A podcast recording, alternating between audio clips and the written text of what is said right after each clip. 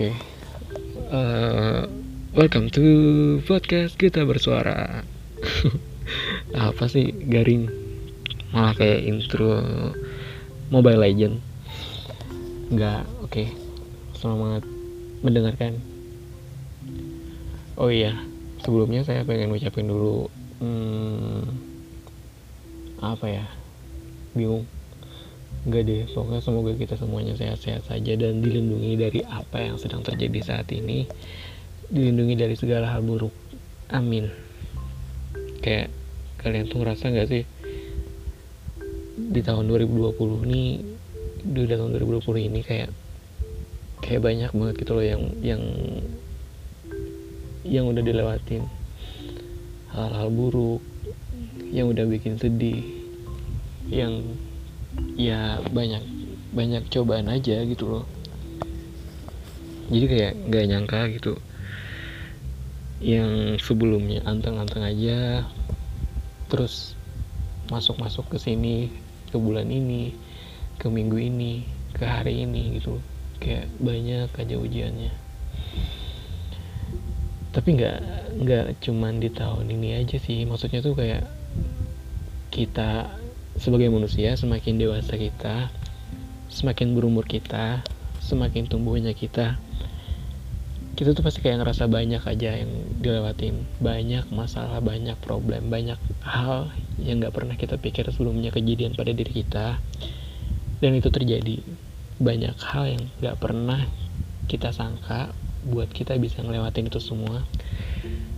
Tapi ternyata itu terjadi tanpa kita bu, tanpa kita bisa nyiapin kita harus ini kita kita harus bertindak kayak gini atau kita harus ngambil pilihan kayak gini gitu loh. Jadi seakan-akan uh, hidup tuh semakin hari semakin ke depan hidup itu kayak ada banyak hal yang tidak kita ketahui dan bakalan terjadi gitu loh. Entah itu kesedihan entah itu kesenangan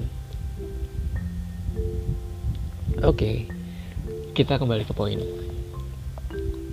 Uh, mungkin dari umur kita yang sekarang atau dari beberapa pendengar yang berumur dari 20 sampai 25 jadi kayak ngerasa oh iya sebenarnya ini ya hidup itu gitu loh. Oh jadi kayak gini hidup itu karena apa ya? Ya kita kembali ke poin. Dari tema yang ada sekarang quarter life crisis jadi apa sih sebenarnya quarter life crisis itu banyak sih sebenarnya pengertian atau penjelasan apa itu quarter life crisis dari beberapa para ahli atau orang-orang yang bikin artikel, bikin tulisan. Tapi di sini saya cuma pengen mengembangkan atau pengen ngasih tahu aja uh, apa itu sebenarnya quarter life crisis dari perspektif diri saya pribadi. Kenapa jadi quarter life crisis? Uh, karena mungkin di era sekarang ini generasi milenial atau Gen Z lebih tepatnya mungkin hmm, banyak anak muda remaja atau yang sedang berusia menuju dewasa mengalami quarter life crisis atau krisis seperempat abad. Nah, jadi quarter life crisis itu adalah keadaan psikologi yang dialami oleh kita yang berada di usia 20-an yang kita sebut juga kaum milenial tanda kutip. Jadi sebenarnya quarter life crisis itu bukan cuman orang-orang yang sedang berumur 25 atau enggak enggak enggak semestinya di dirasain oleh orang-orang yang di umur 25 tahun karena quarter life crisis juga mungkin bisa berumur 20 21 22 sampai 25 dan apa ya kenapa jadi quarter life crisis itu menarik untuk dibahas? Atau kenapa jadi quarter life crisis itu uh, sering sekali dijadikan poin pembicaraan atau topik pembicaraan dari beberapa orang? Karena kebanyakan dari kita merasa kalau di umur 20 atau di usia 20-an itu uh, kayak kaget gitu loh sama hidup kayak kaget gitu loh sama masalah-masalah yang ada gitu. Kayak umur 20 kan juga kayak uh, semester-semester awal buat kuliah 21 udah lulus atau 20 tuh kalau nggak salah semester akhir kuliah deh 21 lulus kuliah 22, 23, 24 proses buat cari kerja buat yang udah kerja. Terus itu tuh kayak normalnya planning buat hidup gitu loh. Belum lagi kayak apa ya banyak hal yang nggak bisa kita duga. Kayak contohnya oke ini perumpamaan yang mungkin kebanyakan orang bisa juga mengerti kebanyakan orang mungkin bisa mengalaminya atau yang atau bahkan kalian para pendengar mungkin sedang mengalami atau udah lewat. Kayak umur 20-an itu perencanaan buat berumah tangga atau atau buat mikir ke depan jauh lagi itu mungkin luar biasa gitu loh. Tapi ada beberapa orang-orang yang mengalami quarter life crisis. Kayak keadaannya tuh ada banyak gitu loh. Mungkin aku bisa nyebutin beberapa uh, karena di sini aku juga sampai baca naskah. Hmm, kayak gimana ya quarter life crisis tuh ada beberapa hal yang kita lewati yang bakalan kita lewatin tapi kita belum sanggup gitu loh. Kita di posisi kita di fase di mana kita pengen ngelewatin ini semua entah itu masalah entah itu ujian atau apa pun tapi kita harus bisa ngelewatin itu gitu loh. Kayak contohnya memiliki perasaan minder karena tidak bekerja pada bidang yang diinginkan. Oke itu pada usia mungkin 20 21 kali ya. Tapi buat orang yang berusia 20 mungkin kayak 20-an atau 21 yang lagi semester akhir atau pertengahan semester atau pokoknya di masa-masa kuliah lah. Yang sering dialami itu kayak sejenis masalah jurusan. Masalah salah jurusan.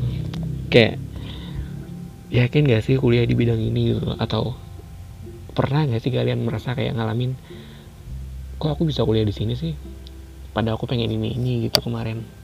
Kok aku bisa sih kuliah masuk jurusan ini yang aku sama sekali nggak yakin kalau udah lulus aku bakalan mau jadi apa gitu loh. Tapi mikir mikir dan kita tuh sambil nyari solusinya ke depan. Uh, emang kuliah di jurusan yang kita mau kita bakalan jadi orang. Maksudnya maksudnya kita bakalan jadi orang yang kita inginkan gitu. Atau kita kuliah ini ke depannya kita bakalan sukses karena apa ya? Karena menurut aku jurusan atau seberapa pun tinggi nilai IPK atau nilai kalian semester kayak nggak terlalu berpengaruh buat kita di masa depan gitu loh. Iya iya sih ada berpengaruhnya juga. Cuman kayak nggak terlalu berpengaruh signifikan aja gitu loh. Ya aku bukannya merendah rendahin atau bukan kayak nyuruh uh, toh nilai tinggi juga nggak nggak nggak penting penting banget gitu. Nggak nggak gitu cuman kayak apa ya ya kita tuh jangan terlalu berekspektasi aja gitu loh jangan terlalu ambisi. Ya ya itu menurut aku gitu loh.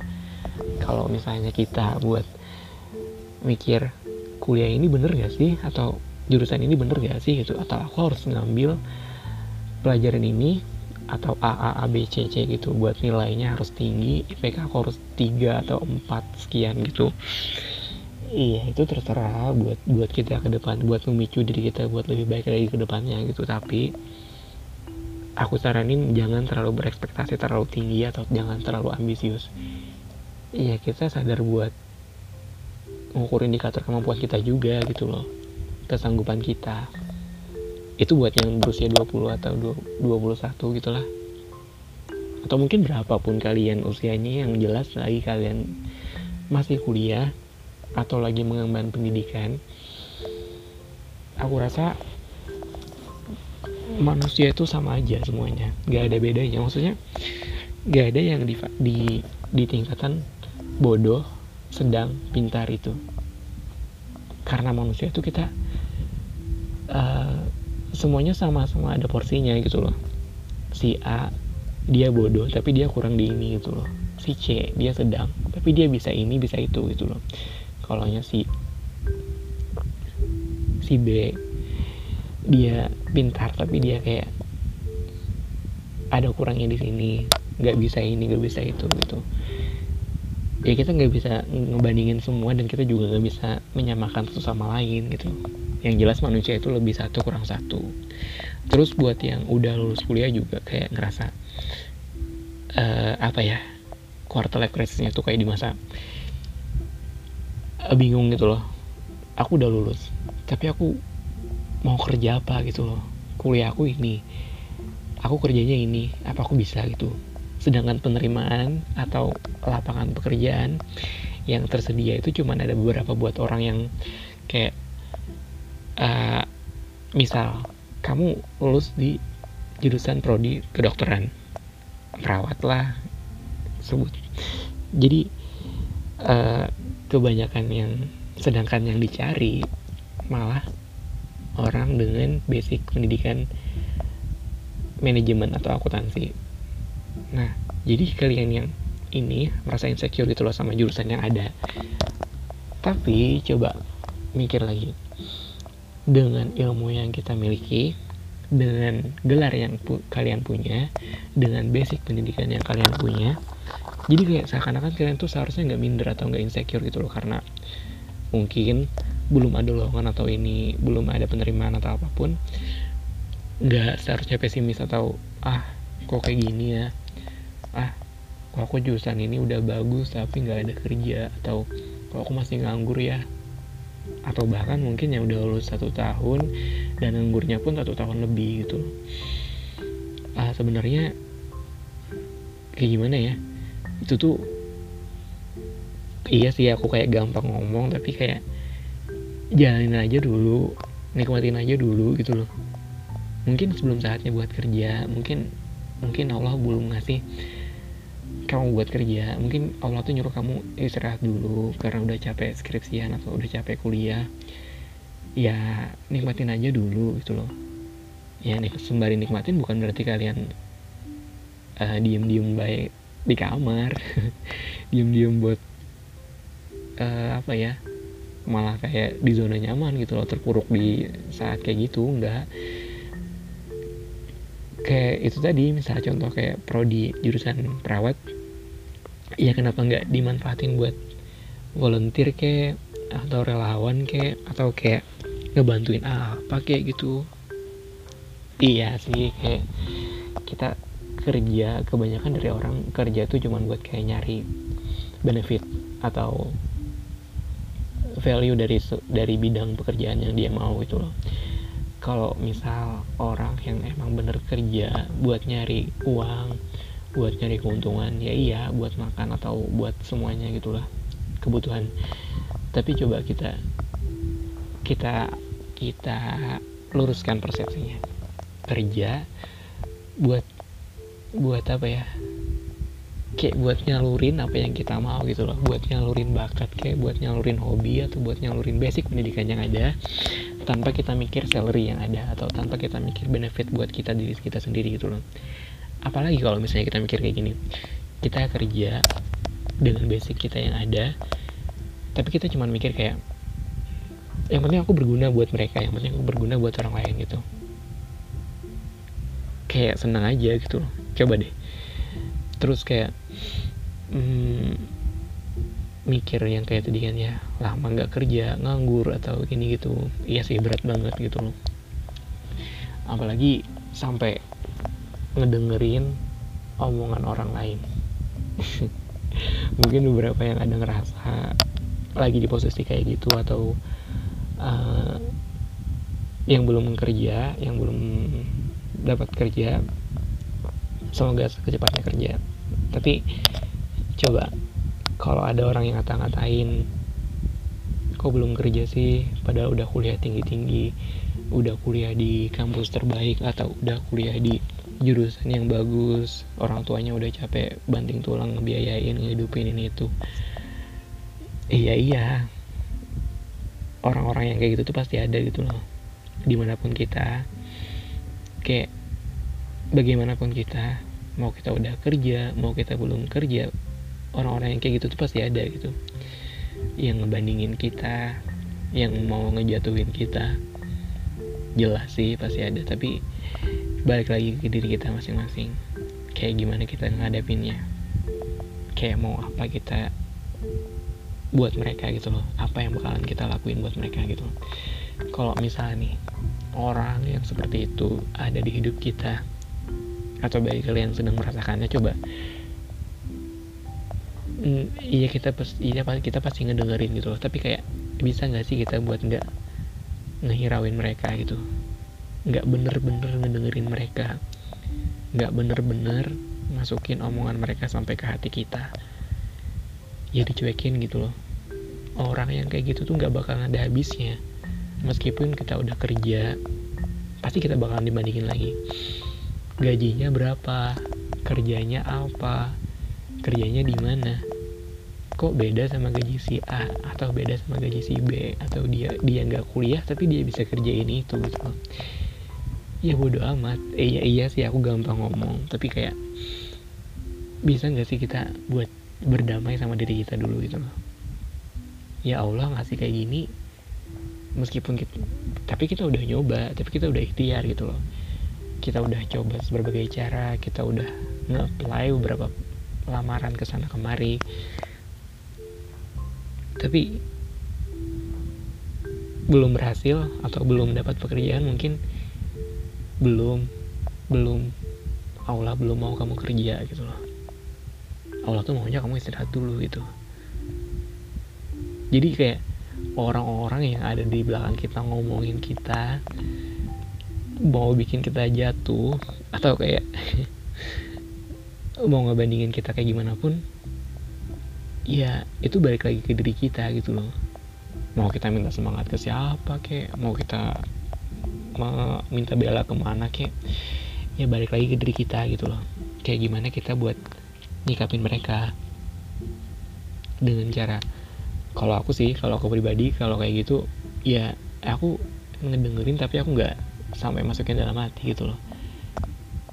Dan aku juga nggak bakalan pengen kayak gimana ya. Aku bakalan ngebuktiin ke kalian yang ngomongin aku aku bakalan sukses. Enggak aku enggak enggak kayak gitu gitu loh. Karena aku sukses bukan karena mereka untuk mereka. Dan aku mau jadi maju bukan untuk mereka juga gitu loh. Ya aku sukses karena aku pengen jadi diri aku aja. Dan aku maju juga kayak pengen buat diri aku gitu loh bukan buat orang-orang yang ngatain aku. Jadi aku nggak pengen ngebuktiin kayak gitu ke mereka. Kayak ya udah mereka ngomong kayak gitu ya udah gitu loh. Ya udah aja gak apa-apa. Jadi aku tuh ngerasa kayak nggak ah, iya iya ada beban sih tapi nggak terlalu jadiin beban gitu loh. Yang namanya kerja atau yang namanya kehidupan itu semua keputusannya ada di tangan kita gitu loh. Kita mau jadi apa kita mau jadi ini kita mau ngambil itu. Bebas kok hak kita. Selagi itu masih di jalur norma dan agama gak melenceng dari apa yang disebut dengan benar. Itu sih. Terus dari di umur orang yang udah 24, 25 mungkin yang udah kerja yang tadi masih oh ada beberapa orang yang bandingin gajinya atau kerjaannya dengan orang lain pasti ada dengar omongan dalam tanda kutip juga. Kapan kawin? Kapan nikah, kapan berkeluarga. Oke, okay, yang udah kerja, yang udah nikah, selamat, bagus.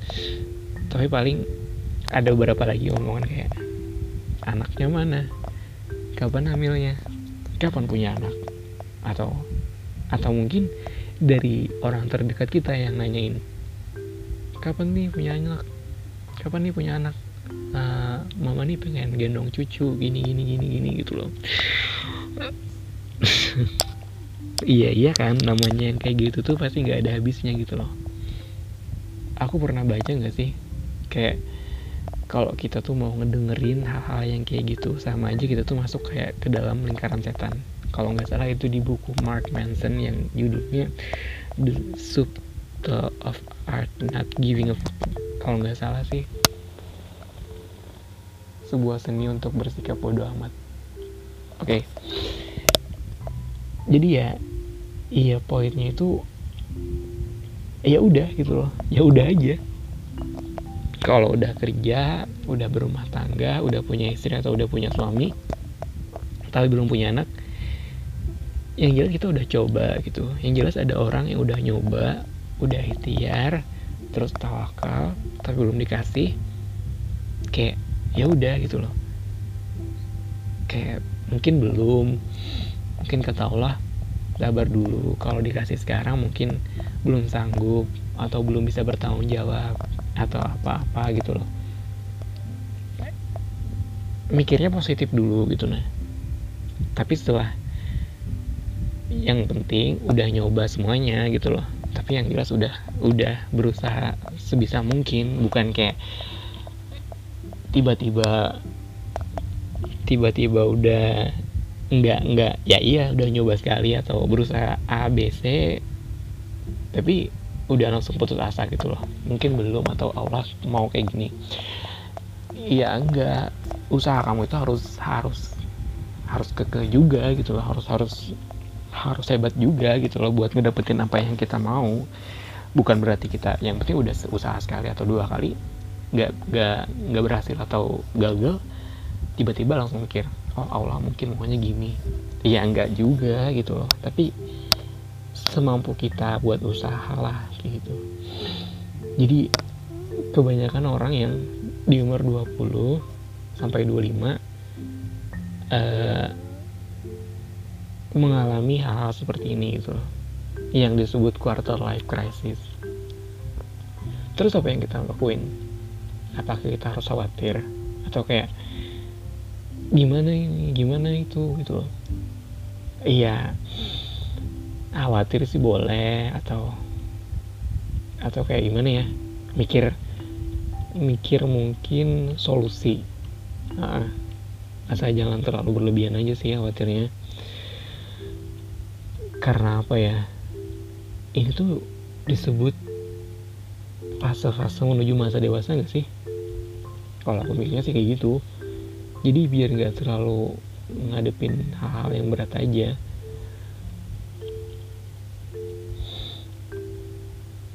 Karena apa ya? Karena hidup tuh nggak ada yang kita lewatin tiap waktu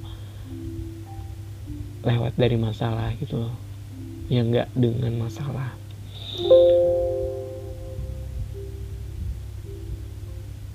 ya semakin banyak masalah yang kita hadapi semakin banyak kita bisa belajar. Bener gak sih? Dari tadi bacot gak kerasa udah 23 menit. Kalau aku ngadepin kayak gitu semua yang penting aku udah usaha gitu loh. Kalau misalnya belum berhasil atau aku belum bisa jadi apa yang aku mau atau aku belum bisa jadi apa yang aku capai atau aku belum ngedapetin apa yang aku inginkan? Mungkin belum. Mungkin belum saatnya gitu loh. Mungkin besok. Mungkin ke depannya kali. Atau aku mikir kayak gini mungkin kalau aku aku dapat sekarang aku bakalan banyak ngadepin masalah lagi gitu loh jadi kesimpulan dari apa yang aku maksud itu kayak sabar dulu. Kamu udah nyoba belum sih? Udah ngelakuin yang terbaik belum sih buat ngedapetin itu semua gitu loh?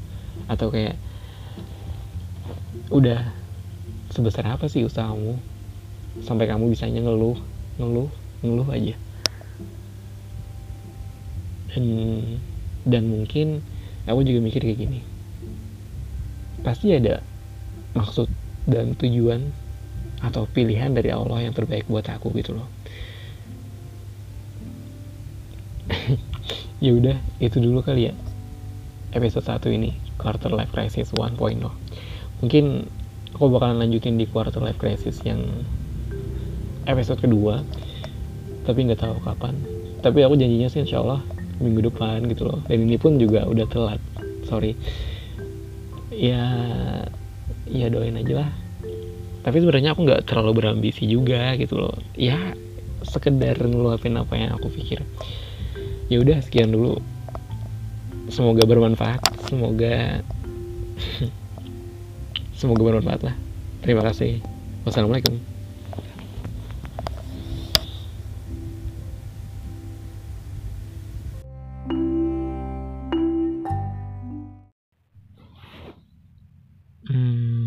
halo. Uh, gimana kabar kalian? Udah lama gak cerita, udah lama gak berbagi. Karena akhir-akhir ini ada banyak hal yang harus aku lewati. Ada banyak hal yang harus aku selesaikan. Dan ada banyak hal juga yang tidak terduga.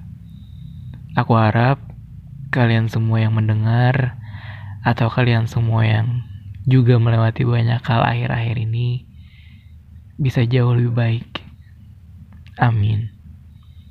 Sebelumnya masih masuk di bulan Syawal ya.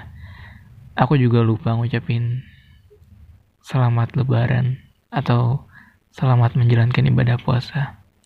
Tapi ya di balik semua itu kita tahulah kita sedang melewati banyak hal. Musibah, atau hal yang tidak terduga lainnya.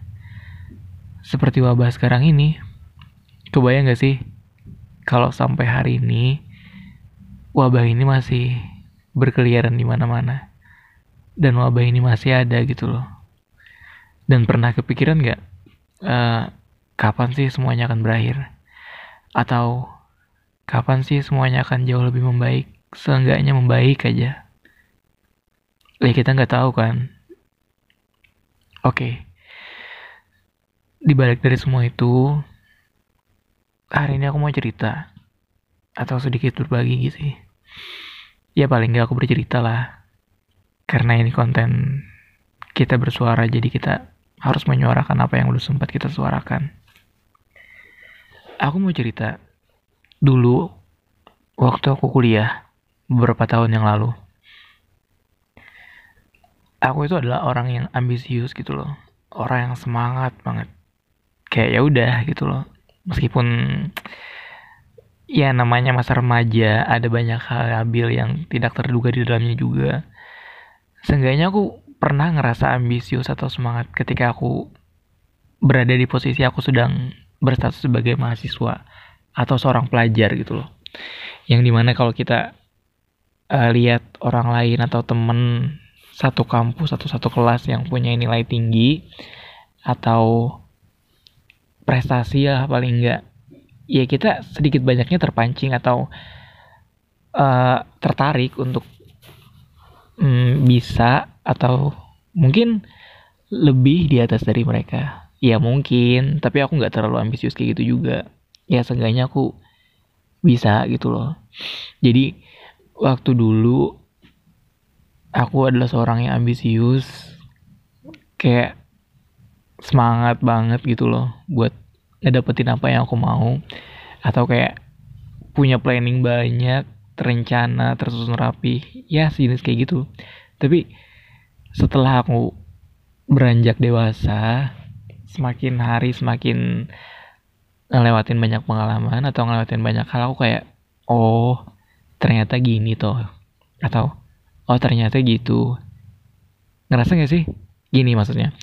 Kalau kita masih masih ABG atau ya umur 20 21 22 masuk 20-an tahun lah.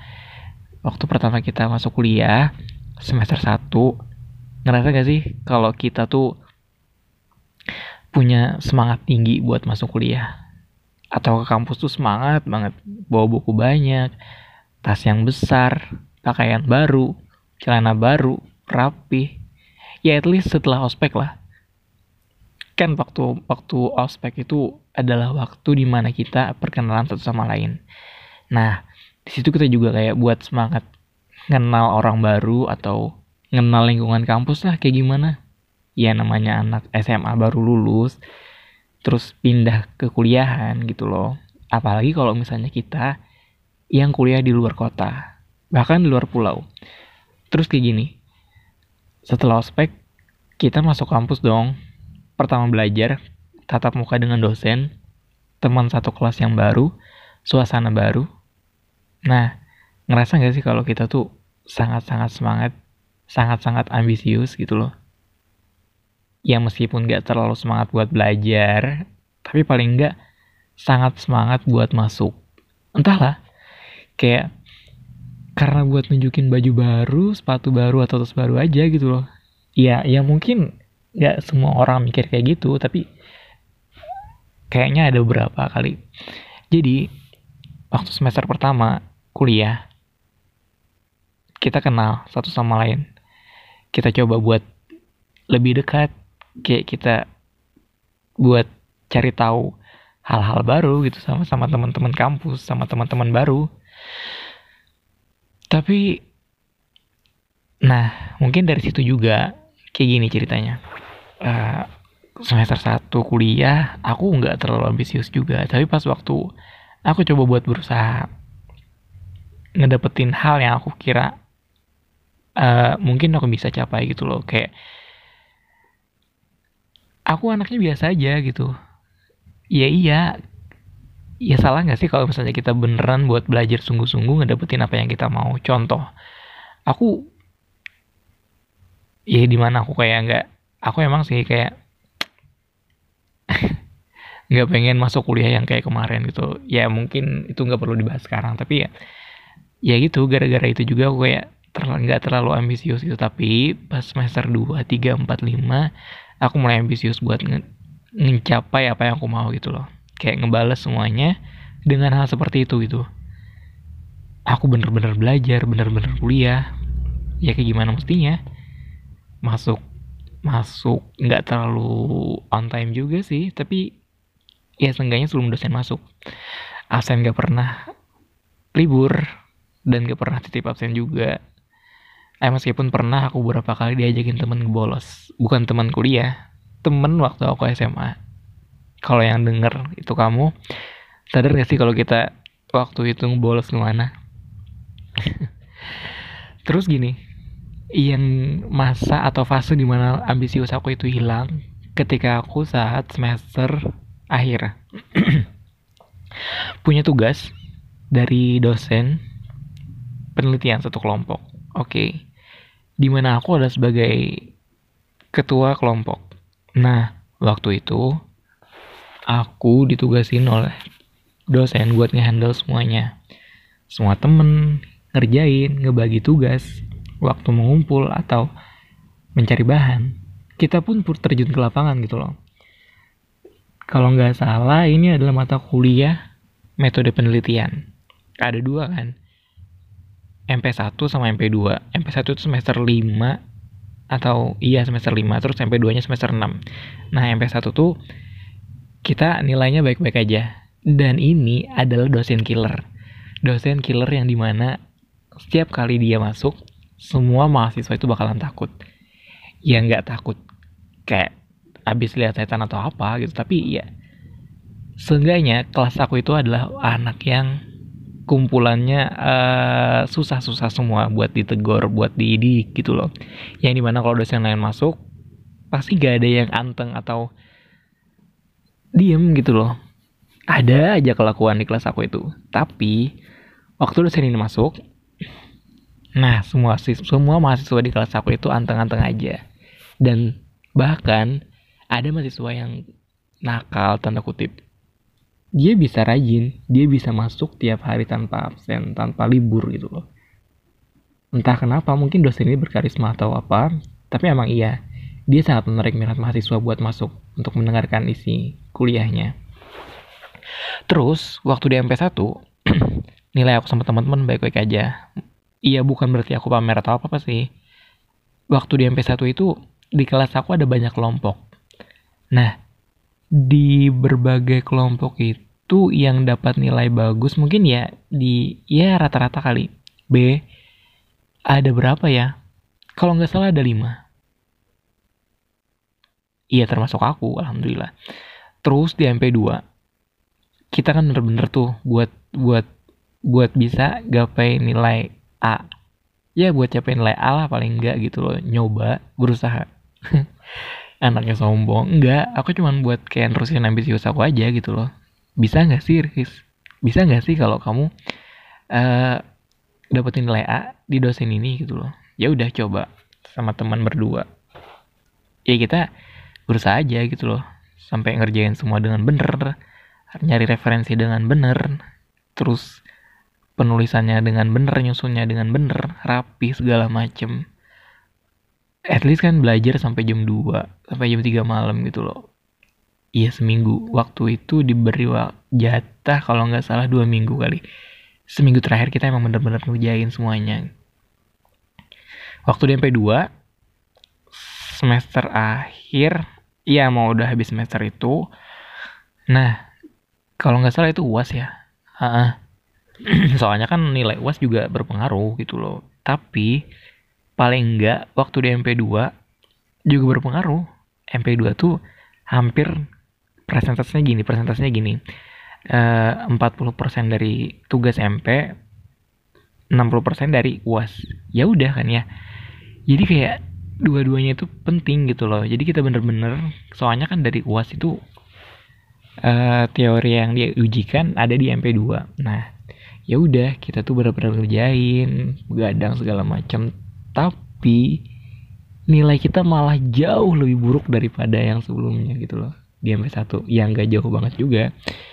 Kirain ya paling enggak dapat B ke atau ya udah kalau nggak dapat A apa-apa. Tapi paling enggak dapat B atau B plus atau apa. Tapi mulai dari situ juga aku kayak nggak ambisius lagi nggak terlalu berekspektasi dengan banyak hal dan ada beberapa kalimat beberapa kalimat motivasi yang dipatahkan karena itu. Nilai kita malah jadi C. Ya kalau nggak salah C. Nggak C plus C. Aku sama teman aku yang ngerjain itu dia cewek. Tapi dia kayak kecewa banget dan aku yang gak enak sama dia gitu loh. Ya udah kita nggak apa-apa aku nggak apa-apa sih sebenarnya tapi aku mulai dari situ iya nggak tahu kenapa gitu loh. Kayak ada beberapa kalimat motivasi dari teman-teman aku yang ngatain kayak gini. Sabar ya uh, yakin deh kalau misalnya hasil itu nggak pernah ngianatin usaha kamu gitu loh. Ngerti gak sih? Kayak lo udah berjuang uh, sekuat sebisa kamu atau sehebat kamu yakin aja kalau usahanya nggak nggak akan buruk gitu. Tapi ternyata malah sebaliknya. Kita udah berjuang mati-matian belajar dengan sungguh-sungguh kerjain dengan benar cari referensi sana sini internet buku orang orang orang ahli. Tapi nyatanya nggak ada sama sekali.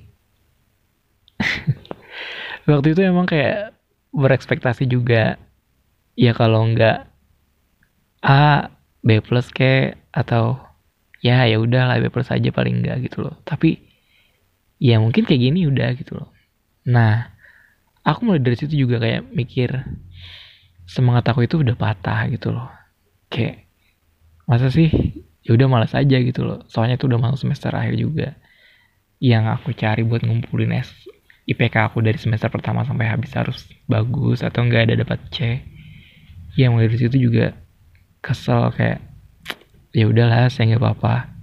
Tapi malah keteteran sampai akhir.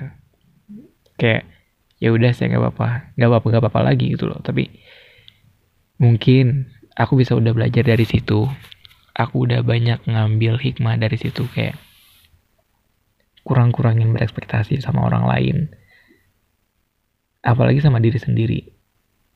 Kurang-kurangin jadi ambisius ya ya jadi ambisius tuh bagus sih berambisi atau kita lebih semangat beda loh ambisius sama optimisme kalau kita jadi manusia itu ambisius kita terlalu kayak berandai-andai gitu loh menaruh harapan dan kayak membabi buta buat mencari balasan atau imbalan.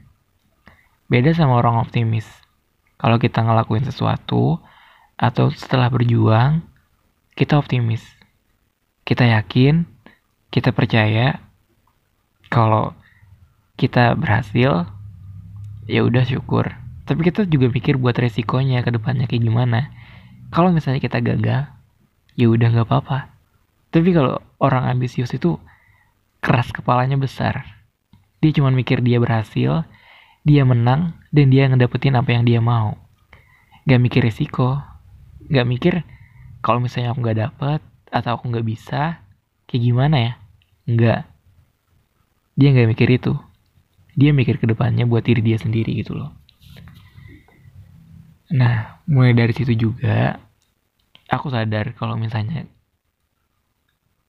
uh, gagal atau kurang atau nggak mampu itu bisa saja terjadi dengan diri kita.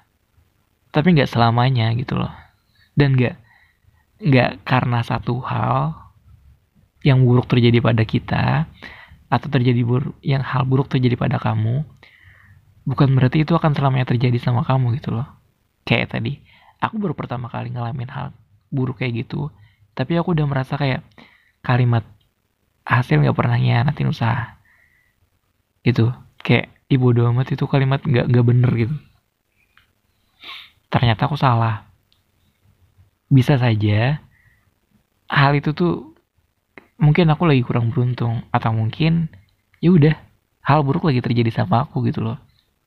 Kan nggak selalu terjadi. Ada saatnya di mana hal buruk itu datang sama kita. Dan ada saatnya ada jauh lebih banyak hal baik yang datang kepada kita. Tapi kita nggak sadar kita lebih kita lebih fokus pada titik di mana hal buruk yang terjadi pada kita. Satu titik aja terjadi pada kita tapi kita udah ngelupain semua hal baik yang terjadi. Semua hal baik yang udah kita lewati. Manusia wajar dan itulah namanya demotivasi. Ketika kita ngerasa semangat ngerasa bergairah ngerasa optimis atau bahkan sedikit ambisius sedikit berambisi dan ketika hal buruk terjadi pada kita kita langsung patah semangat.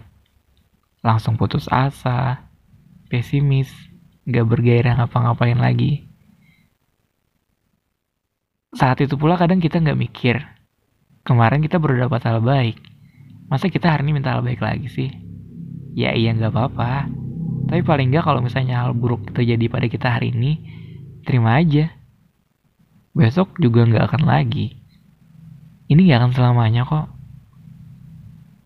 Demotivasi itu nggak akan selamanya terjadi gitu loh. Meskipun hari ini terjadi atau entah nanti terjadi lagi seenggaknya kita udah belajar buat ngadepin itu. Kita udah ngelewatin itu semua. Kita udah jauh lebih bisa ngadepin hal yang sebelumnya udah kita lewatin. Atau bahkan kita udah bisa belajar jadi orang atau pribadi yang lebih kuat lagi. Entahlah aku barusan ngomong apa. Ya paling enggak aku pengen cerita aja. Kalau dulu aku juga orangnya sebagai manusia yang ambisius.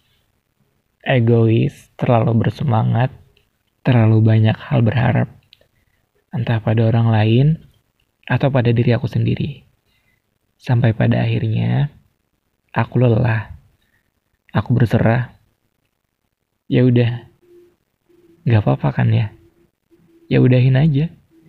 Hal buruk terjadi ya udah, besok juga hilang. Besok-besok juga hal baik akan datang. Akan ada banyak hal baik yang akan datang setelah hal buruk datang. Percayalah. Terima kasih yang sudah mendengarkan. Seenggaknya kita saling bercerita. Oh ya kalau mau cerita, boleh. Aku ada cantumin email. Nanti aku tulis. Kalian mau cerita apa aja boleh. Akan aku bahas, akan aku respon. Kalau mau identitasnya disamarkan atau ditutupi juga gak apa-apa. Bilang aja. Kita jaga rahasia. Sama-sama menjaga. Sama-sama bercerita. Gak apa-apa. Terima kasih ya. Dah.